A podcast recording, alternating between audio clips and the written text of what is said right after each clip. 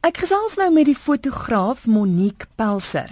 Sy en die skilder Karl Becker het 'n uitstalling Ons Land, Our Land, hier Pierneefs Station Panels en dit tans te sien by die Olivenhuis Kunsmuseum. Soos ek genoem het, gesels ek met Monique. Hallo Monique, welkom op RSG Kuns. Hallo, baie dankie. Dit het alles te doen met Pierneef se se panele wat hy gedoen het baie jare terug. Vertel net gou vir die luisteraars die konsep agter die hele uitstalling. Ja, in ehm um, 2006, 2007 het ek in Grafliniet gekuier en die in die Pierneef museum ehm um, gevind en ek het daar gekuier en, en en die skilderye gesien. Uh the the, the Johannesburg station panels in um, in Elevas, the uitstekend.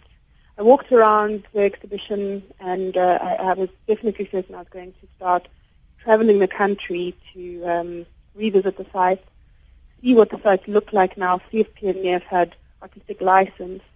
And um, so I started in 2007. Um, I get rondom die om die land en en um en en and I looked for the site basically. In 2010, um, as ek in Johannesburg gewoon het, het um, 'n vriendin van my, um, Carl Becker.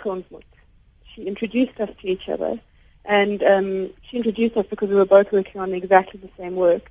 He had seen also seen the Johannesburg station panels in Graaff-Reinet in 2006, 2007, and he'd been traveling around the country. The amazing thing is that when we met, we both we'd been to the sites that each other hadn't been to, and there were a couple of overlaps, sure. and uh, and so we decided to collaborate.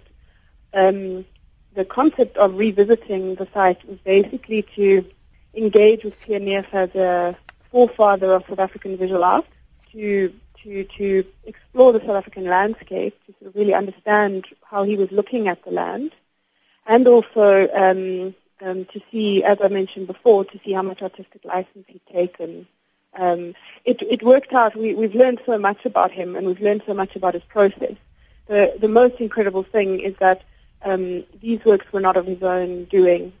Uh, they were they were commissioned by Spoornet at the time, which is Transnet now, obviously, and and so they, they, in a way they travel adverts where where the railways extended across South, South and Southern Africa because the panels actually go up to Namibia yeah, so so we so we revisited the site and we saw how he actually was a plein plein air painter in a way. He would go into each site and collect information and paint in the site and then take that information into a studio and then created the station panels. He composed them in his studio.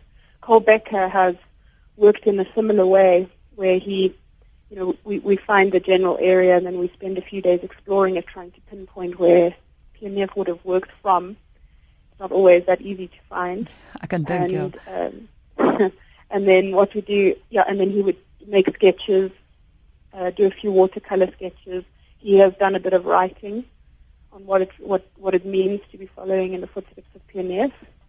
And um, and then I started doing a similar thing. I started taking three or four cameras into the environment and sitting there for 16 hours and uh, and photographing as the light moves across across the scene. And uh, so, yeah, at the end of the day, it's basically um, 80 years later, South Africa's gone through amazing changes, you know, and um, we decided to go and see see what we look like now. Ek moet dit is nogals interessant want ek sit nou net met die fotos hier voor my en en ja. die fotos van jou en en en die werke van van Kaal en is interessant om te sien Ja, die plekke waar Pierre was, want sy skilderye is ook hier voor my. Dis dis sy skilderye is nie te sien by die galery nie, maar mens kry tog 'n katalogus om te sien waar dit vandaan kom, né? Ja. Ja, we've got a little um information brochure. Yes. That you can you can you can read the PMFs alongside our work. Ja. ja. Jy het nou 'n bietjie vertel van jou tegniek, die feit dat jy ook lank daar gaan sit het, want dit was my interessant die feit dat Kaal 'n skilder is. En om te skilder is tog heel anders. Dit vat baie lank. Jy kan hier en daar verander. Jy kan teenoor jou fotos wat eintlik met die jy weet die klik van 'n film het, het jy dadelik jou foto, maar jou ja. tegniek soos jy verduidelik het was anders. Jy het jy het baie langer, dit was 'n baie langer proses as net om bloot 'n foto te neem. Ja, ehm um, in die begin in die begin af het ek ek die ehm um, I found the site and I would just take a photograph. En dan as ek in die in die Swartberg Pass was, het ek daar ehm um, daar gery en vier of vyf keer een dag ehm um, foto's geneem. En as ek afterwards I had a look at the photographs and the scene had changed radically as the light had shifted. Mm. And I realized that the, the the extreme limitation of photography was was was was limiting me in this project. So what I did then is um, I decided to slow my process down exactly how you say and to sit in the environment and watch and map almost like a painter but using photography. Hoekom sê jy jy moet luisteraars die moeite doen om die uitstalling te gaan kyk?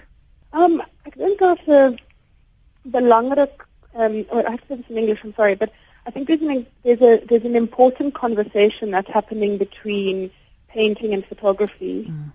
Exactly how you're saying it's it's it's how painting is a slower process, how you can sit in the environment, how you can read read the environment and and illustrate it, and how photography is faster and and and it, it, it depends on the on the artist on how you how you how you manipulate your medium. There's there's that conversation that goes on, which is about obviously technique and about medium, which is one part of the show. Another part of the show is obviously how 80 years later, how technology has developed, mm. how how we read visual art has developed, how the country has developed, economically as well as um, politically. And um, yeah, I think that's I think that's what's nice about the show is that it's it's multi-level. Julle is te sien tot die 17de November by die Oliewenhuis Kunsmuseum. Is daar planne om die uitstalling verder te vat? Ja, in Februarie volgende jaar gaan die uitstalling na uh, die Durban Art Gallery.